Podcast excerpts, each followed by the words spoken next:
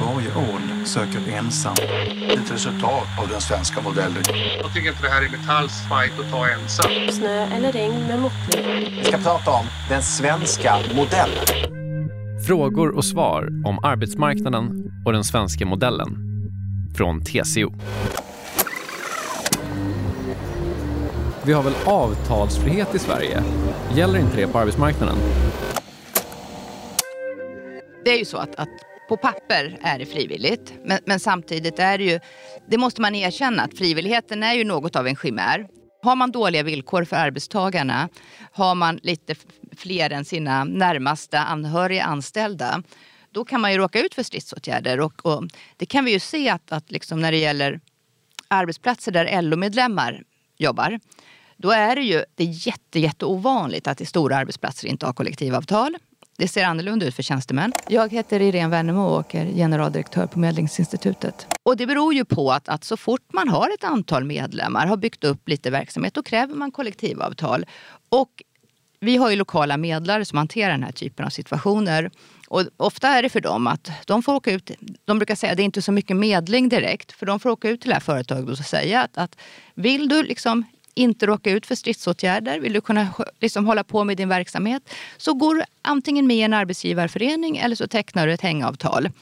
Eh, och de flesta gör det utan att knorra för de inser att men har, vi fått, har, det, har det bildats en lite större verksamhet, ja men då är det väl lika bra att ha, ha kollektivavtal. Mm. Så det är klart att, att det är ju inte en full valfrihet på det sättet, även om på, i, teoretiskt är det valfrihet. Men, men man, man upprätthåller ju inte heller en kollektivavtalstäckning på, på ja, eh, nästan 90 procent om det vore helt frivilligt. Och det är, ju, det är ju som sagt alternativet till lagstiftning som då skulle ha, handla om villkor som ser exakt likadana ut beroende på oavsett eh, företagsstorlek eller eh, bransch och så vidare. Här finns det en möjlighet att faktiskt komma överens om villkor som är rimliga för den, den verksamhet som du har vilket ju är en mycket bättre modell. Jag heter Therese Svanström och är ordförande för TCO. Försöker vi inte upprätthålla eh, kollektivavtalstäckningen i, i, i, de flesta verksamheter då kommer vi också landa i ett läge där vi konkurrerar med eh, sämre villkor. Och det har vi varit överens om att vi vill, både från arbetsgivare och arbetstagarorganisationerna, konkurrera med kunskap och kompetens i det här landet. Inte med eh, ruttna villkor på, på arbetsmarknaden helt enkelt. Eh, så att jag tror att det i grunden finns en ganska stor förståelse för att det är viktigt att det här eh, omfattar så många som möjligt på arbetsmarknaden.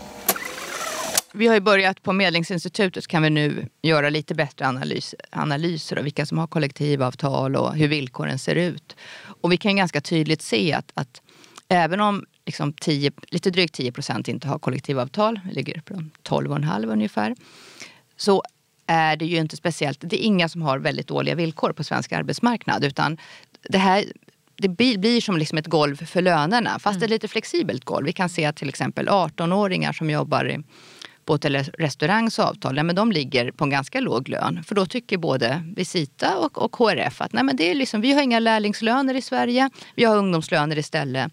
Det är helt rimligt att man har den här lönenivån där. Andra länder har ofta minimilöner.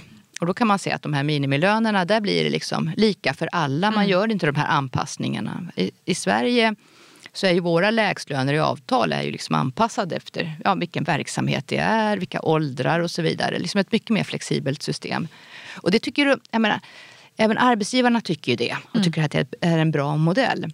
Men sen det är klart att när, när det dyker upp en sån här situation som Tesla, när man har ett ganska stort företag som inte vill teckna kollektivavtal, sympatiåtgärder som drabbar andra företag. Men jag, jag förstår ju att de som liksom råkar ut för att de har precis tecknat avtal nya kollektivavtal mm. och sen säger och sen är det några som, som plockas ut då för att de inte får meka med Tesla-bilar eller lackera Tesla-grejer. Det är klart att de blir störda. De blir irriterade. Men man måste ju tänka på att, att liksom, ja, det var 28 år sedan vi sist hade en sån här stor konflikt av den här typen och det var Toys R Us. Så i 28 år har den här modellen fungerat mm. bra och inte skapat någon större irritation. Förutom för någon enstaka företag som inte tyckte att det var, som kanske inte var så sugna på kollektivavtal. Så har gett väldigt få konfliktdagar. Bra modell för oss. Och då klart att då måste man kanske liksom acceptera att det inte varje år är det inte helt smärtfritt. Ibland dyker upp ett sånt här företag som skapar konvulsioner som också drabbar liksom egentligen då, på något sätt lite oskyldiga företag som bara dras in i den här konflikten trots att det inte är de som vägrar kollektivavtal.